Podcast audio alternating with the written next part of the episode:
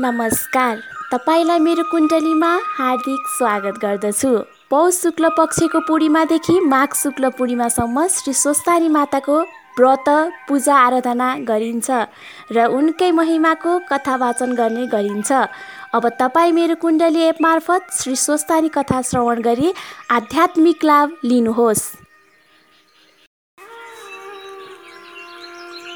हेमरमा बडुरेन्द्ररुद्रमरुतः स्तुवन्ति दिव्यै स्तवै वेर्दै साङ्गपत्कर्मोपनिषदै गायन्ति सामगा ध्यानावस्थिततेन मनसा पश्यन्ति येन योगिनो। सुरसुरगणा देवाय तस्मै नमः। श्रीमर्चन्दचर्तित्वजलवपु शुक्लम्बरामल्लिका मालालङ्कृतकुण्डला पर्वीलसम्मुक्तावली शोभिता। सर्वज्ञाननिदानपुस्तकधरा रुद्राक्षमालाकरा वागदेवी वदनम्बुजेव वसतु मे तरलोके माता चिरं मकुं करोति वाचलं पङ्गुलङ्घेति गिरिं यत्कृपाः तहं वंदे नमो भगवते तस्मै व्यासायामि तेजसे यस्य प्रसादाचामि नरकतामिमं नारायणं नमस्कृत नरचैव नरोत्तं देवीं सरस्वती व्यास ततो जय मोदीरथ हरे नमः।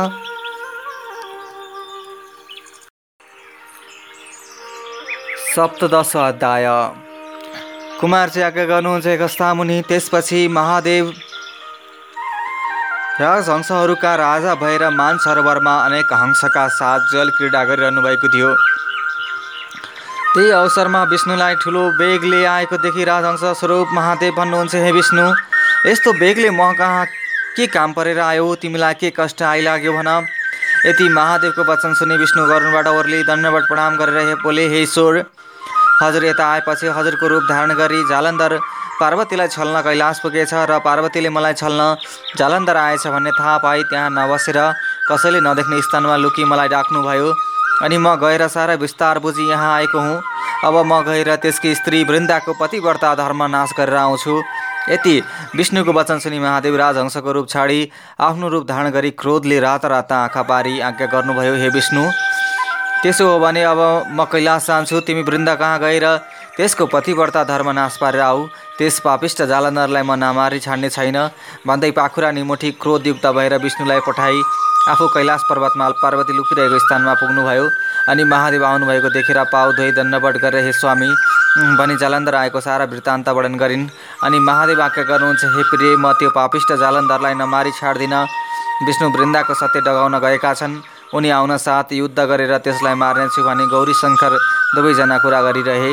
उता विष्णु जालन्धरको रूप लिएर अन्तपुर पुगे। जालन्धर रूप विष्णु आएको देखेर वृन्दाले स्वामी आए भनी पाउ धोइ भित्र लागेर बसालिन् अनि सोधिन् हे स्वामी पार्वतीलाई छल्न जानुभएको के गरेर आउनुभयो? पार्वती मभन्दा कतिकी सुन्दरी रहेछन् भन्नुहोस्। त्यति सुनि जालन्धर रूप विष्णु भन्दछन् हे वृन्दा पार्वतीलाई छल्न नसकिने रहेछ।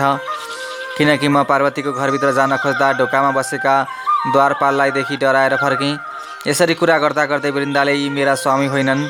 विष्णु मलाई छल्न मेरा स्वामीको रूप धारण गरेर आएका रहेछन् भन्ने जानी अब मैले केही युक्ति गर्नु पर्यो भने हाउभाउ कटाक्षले विष्णुलाई बसमा पारेर भनिन् हे स्वामी म केही कुरा भन्दछु। हजुर मान्नुहुन्छ कि मान्नुहुन्न?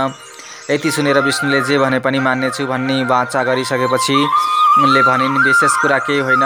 केवल म नआएसम्म यहीँ बसिरहनु होला भनी विष्णुलाई कोठामा थुनी आफू अर्कै घरमा गएर बसिरहन्।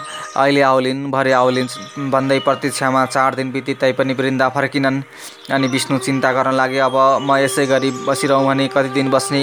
जाउँ भने बाचा हारिएको छ उता महादेव के भन्ने होलान्? भन्ने चिन्ता अलग्गै छ। कसरी? यहाँबाट उम्कने इत्यादि तर्क वितर्क गरिरहे पनि केही गर्न समर्थ थिएनन्। उता महादेवले विष्णु गएको यतिका दिन भइसक्यो तैपनि किन फर्केनन् भनी ध्यान दृष्टिले विचार गरी पार्वतीसित भन्नुभयो हे गिरिजे वृन्दालाई छल्न गएका विष्णुलाई उसैले छली कोठामा थुनिराखेकी रहेछ यति भनी मायाद्वारा एउटा अत्यन्त सुन्दर सोह्र वर्षको भिक्षुक उत्पन्न गरी उसलाई भन्नुभयो हे भिक्षुक तिमी अन्तपुरको जालन्धरका घर गएर भिक्षामा भिक्षामदेही भनी वृन्दाले थुनिरहेका विष्णुलाई मागेर ल्याऊ।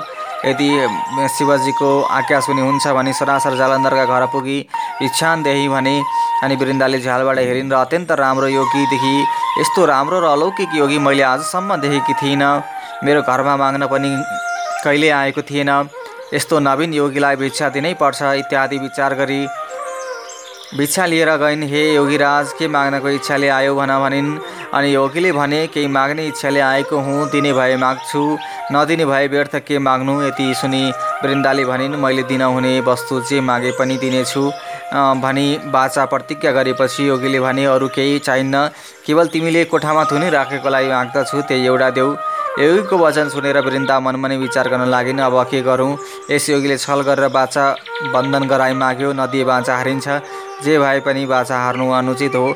यस्तो विचार गरेर कोठामा थुनिरहेका जालन्धर विष्णुलाई बाहिर ल्याई योगीको जिम्मा लगाइदिन्। यसरी विष्णुलाई साथमा लिएर योगी बाहिर निस्कि अन्तर्ध्यान भई कैलाश पुगेर शिवजीलाई सारा कुरा सुनाए। यता विष्णु बाहिर आएपछि मनमा तर्कना गर्न लागे म वृन्दाको सत्य डगाउन आएको।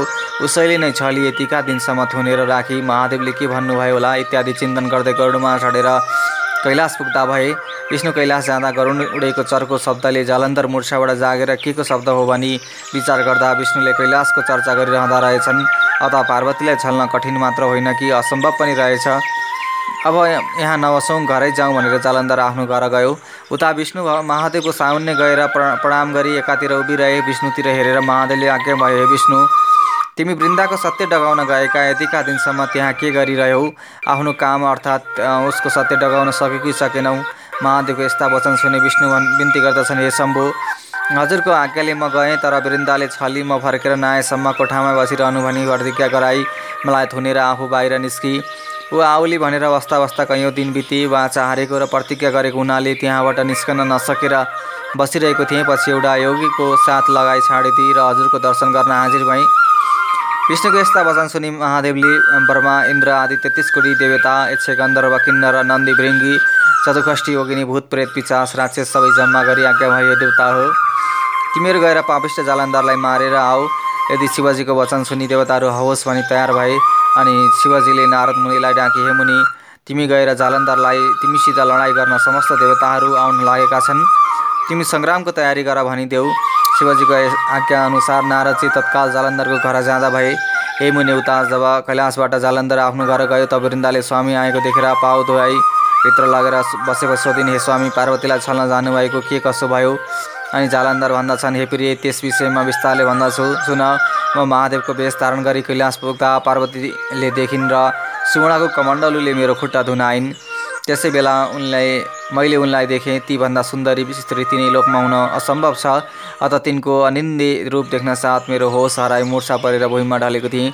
पछि चेत आएर उठेर हेर्दा पार्वती कता गइन् केही जान्न सकिनँ र घर फर्केर आएँ। त्यति आफ्ना स्वामीको वचन सुनि वृन्दा भन्दछन् हे स्वामी तपाईँ यहाँबाट हिँडेपछि विष्णुले तपाईँको रूप धारण गरी मलाई छल्न आएका थिए। तर मैले चिनिहेर निकै दिनसम्म कोठामा थुनिरहेकी थिएँ। पछि एउटा यो अनौठो भिक्षुक आएर माग्दा विष्णुलाई दिइ पठाएँ। यदि आफ्नो स्त्रीको वचन सुनि जालन्धर हे प्रिय त्यस्तो हो भने म पार्वतीलाई नछाली छाड्दिनँ। फेरि जान्छु भन्दै जालन्धर घरबाट निस्कनु र शिवजीको आज्ञाले गएका नारद मुनि टुप्लुक्का पुग्नु एकसाथ भयो। अनि नारदजीले सोधे हे जालन्धर तिमी कहाँ जान हिँडेका उसले भन्यो म भिक्षा माग्न हिँडेको हुँ। तब नारदजीले फेरि भने हे जालन्धर मिथ्या कुरा किन भनिरहेका छौ? तिमी जान लागेको मैले जानिसकेँ पार्वतीलाई छल्न हिँडेका हौ। सुन तिमीसँग लडाइँ गर्न ब्रह्मादि सकल देवताहरू आउन तयार भई खबर दिन मलाई पठाएका हुन्। अब तिमी अन्त कतैतिर जानपट्टि नलागेर आफ्ना फौज र शस्त्रास्त्र लिई सङ्ग्रामको तयारी गर। यदि नारदजीको कुरा सुनि त्यसो भए घरै फर्कन्छु भने आफ्नो पत्नीलाई नारदसित भएका सबै कुरा बुझाइ अब म सङ्ग्राममा जान्छु भने तिमी घरको सम्हार गरे भनी हातमा त्रिशुल लिएर आफ्नो सेना समस्त सेना जम्मा गरी देवताहरूसित लडाइँ गर्न कैलाशतर्फ गयो। नारदजीले कैलाश पुगी जालन्धरसित भएको सारा कुरा शिवजीलाई बिन्ती चढाए। त्यसपछि महादेवले वर्मा विष्णु इन्द्र एम आदि सकल देवतालाई युद्ध गर्न जा भनी आज्ञा दिनुभयो। महादेवको आज्ञा पाउन साथ समस्त देवताहरू नाना तरहका बाजा बजाई सिंहनाद गर्दै प्रलय कालको मेघ झैँ गर्जदै कैलाशबाट हिँडे बाटोमा दुवैतर्फका सेनाको जम्कावेट भएर भयङ्कर सङ्ग्राम आरम्भ भयो। देवताहरूले पनि बेसरी चिच्चाए अनेका अनेक शस्त्रास्त्र प्रहार गरे तर तिनको प्रहारले जालन्धरलाई केही हानि गर्न सकेन। आफूले प्रहार गरेका शस्त्र अस्त्रले शत्रुको केही पनि हानि गर्न नसकेको देखेर देवताहरू मनमा दिक्क मानि आफ्ना आफ्ना शस्त्रास्त्र झिकी चुपचाप भए। तब वैकुण्ठनाथ विष्णु रिसाई पाँचजन्य शङ्ख बजाई कौमोदकी गदा प्रहार गरे। त्यस गदाले जलन्धरलाई छुँदै छोएन अनि देवराज इन्द्र रिसाई वज्र प्रहार गरे। त्यसले पनि केही गर्न सकेन। जालन्धरले नटेरी तृण समान मानेर चुप लागिरह्यो। त्यति हुँदा पनि देवताहरूले शस्त्र अपरार गर्न छाडेका थिएनन्। आखिरमा विष्णु भगवान्ले अब यस्तो चालले केही हुन सक्दैन। भनी महादेव कहाँ गएर हे जगदीश्वर हामीले जालन्धरलाई मार्न सकेनौँ। तपाईँ बिना त्यसलाई मार्न अरूको शक्ति पनि छैन। अब तपाईँले नै सङ्ग्राममा जानु पर्यो। यतिका यदि विष्णुका वचन सुनि महादेव आज्ञा गर्नुहुन्छ हे विष्णु जालन्धरकी स्त्री वृन्दाको पतिव्रता धर्मले गर्दा जालन्धरलाई कसैले पनि मार्न सक्दैन अत तिमी आफ्नो मायाले छोपी जालन्धरको रूप धारण गरी अन्तपुरमा गएर वृन्दाको पतिव्रता धर्म नष्ट गराऊ। म गएर त्यस पापिष्टलाई मार्दछु। यति शिवजीको आज्ञा सुनि विष्णु त्यहाँबाट बिताली। तुरुन्त जालन्धरको रूप धारण गरेर बायाँ हातमा त्रिशुल र त्रिशुली र दाहिने हातले डमरू बजाई आफ्नो मायाले छोपी अन्तपुरमा जालन्धरको घर पुगे। पेस्तारी जालन्धर आएको देखि वृन्दाले हात पाउ धोइदिन्। कोठामा लगेर आसनमा बसालेर सोधिने स्वामी महादेवसित युद्ध गर्न जानुभएको के गरेर आउनुभयो?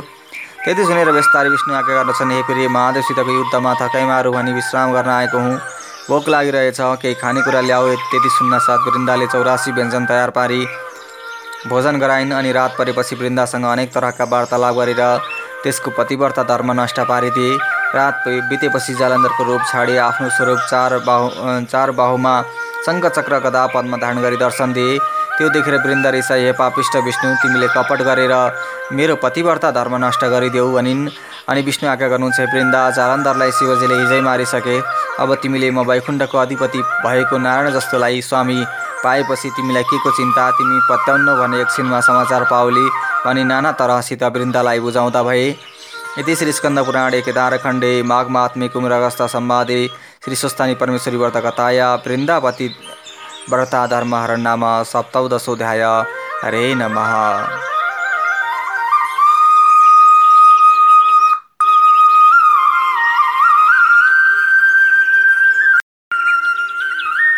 ಉಪನಯೇತು ಮಂಗಲವ ಸಕಲ ಜಗನ್ಮಂಗಲಾಲಯ. ಶ್ರೀಮಾನ್ ದಿನಕರ ಕಿರಣ ನಿಬೋಧಿತ ನವನಲೀನದಲ ನಿವೀಕ್ಷಣ ಕೃಷ್ಣಕಾಲೇ ವರ್ಷತು ಪರ್ಜನ್ಯೇ ಪೃಥ್ವೀ ಸಸ್ಯಶಾಲಿನಿ देशोऽयं शुभरहितो वर्माणा सन्तु निर्भया अपुत्रा पुत्रिण सन्तु पुत्रिण सन्तु पौत्रिण। निर्धना सदना सन्तु जीवन्तु सरदा शतं तत्रैव गङ्गा यमुना च तत्र गोदावरी सिन्धु सरस्वती च। तीर्थानि सर्वाणि वसन्ति तत्र यत्राच्युतद्वारा कथा प्रसङ्ग। या कुन्देन्तु तुषहारहारधवला या शुभ्रवस्त्रावृता या वीणावरदण्डमण्डितकरा या श्वेता पद्मासना या वर्माच्युतशङ्करप्रवृत्ति दीर्घै सदा वन्दिता। सामं पातु सरस्वती भगवती निःशेषजाटेपः। कायेन वाचा मनुष्येन्द्रियर्वा बुधत्मना वा प्रकृतिस्वावत् करोमि यद्दत् सकलं परस्मै नारायण इति श्रीस्वस्थानि दिव्यार्पमस्तु